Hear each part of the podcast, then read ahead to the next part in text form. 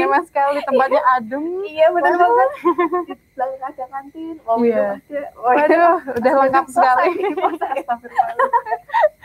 ya. Terus eh, untuk eh, mungkin itu kendalanya sih kak ya.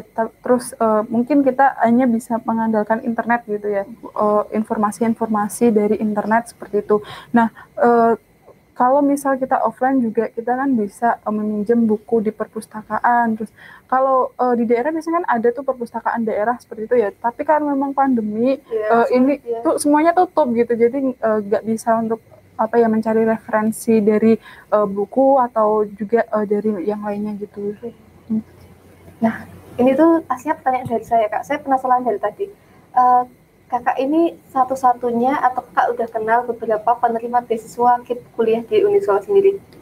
Eh, banyak banget sih kak teman-teman dari KIP kuliah ini jadi eh, ketika kita eh, diterima gitu kita ada grup nih kak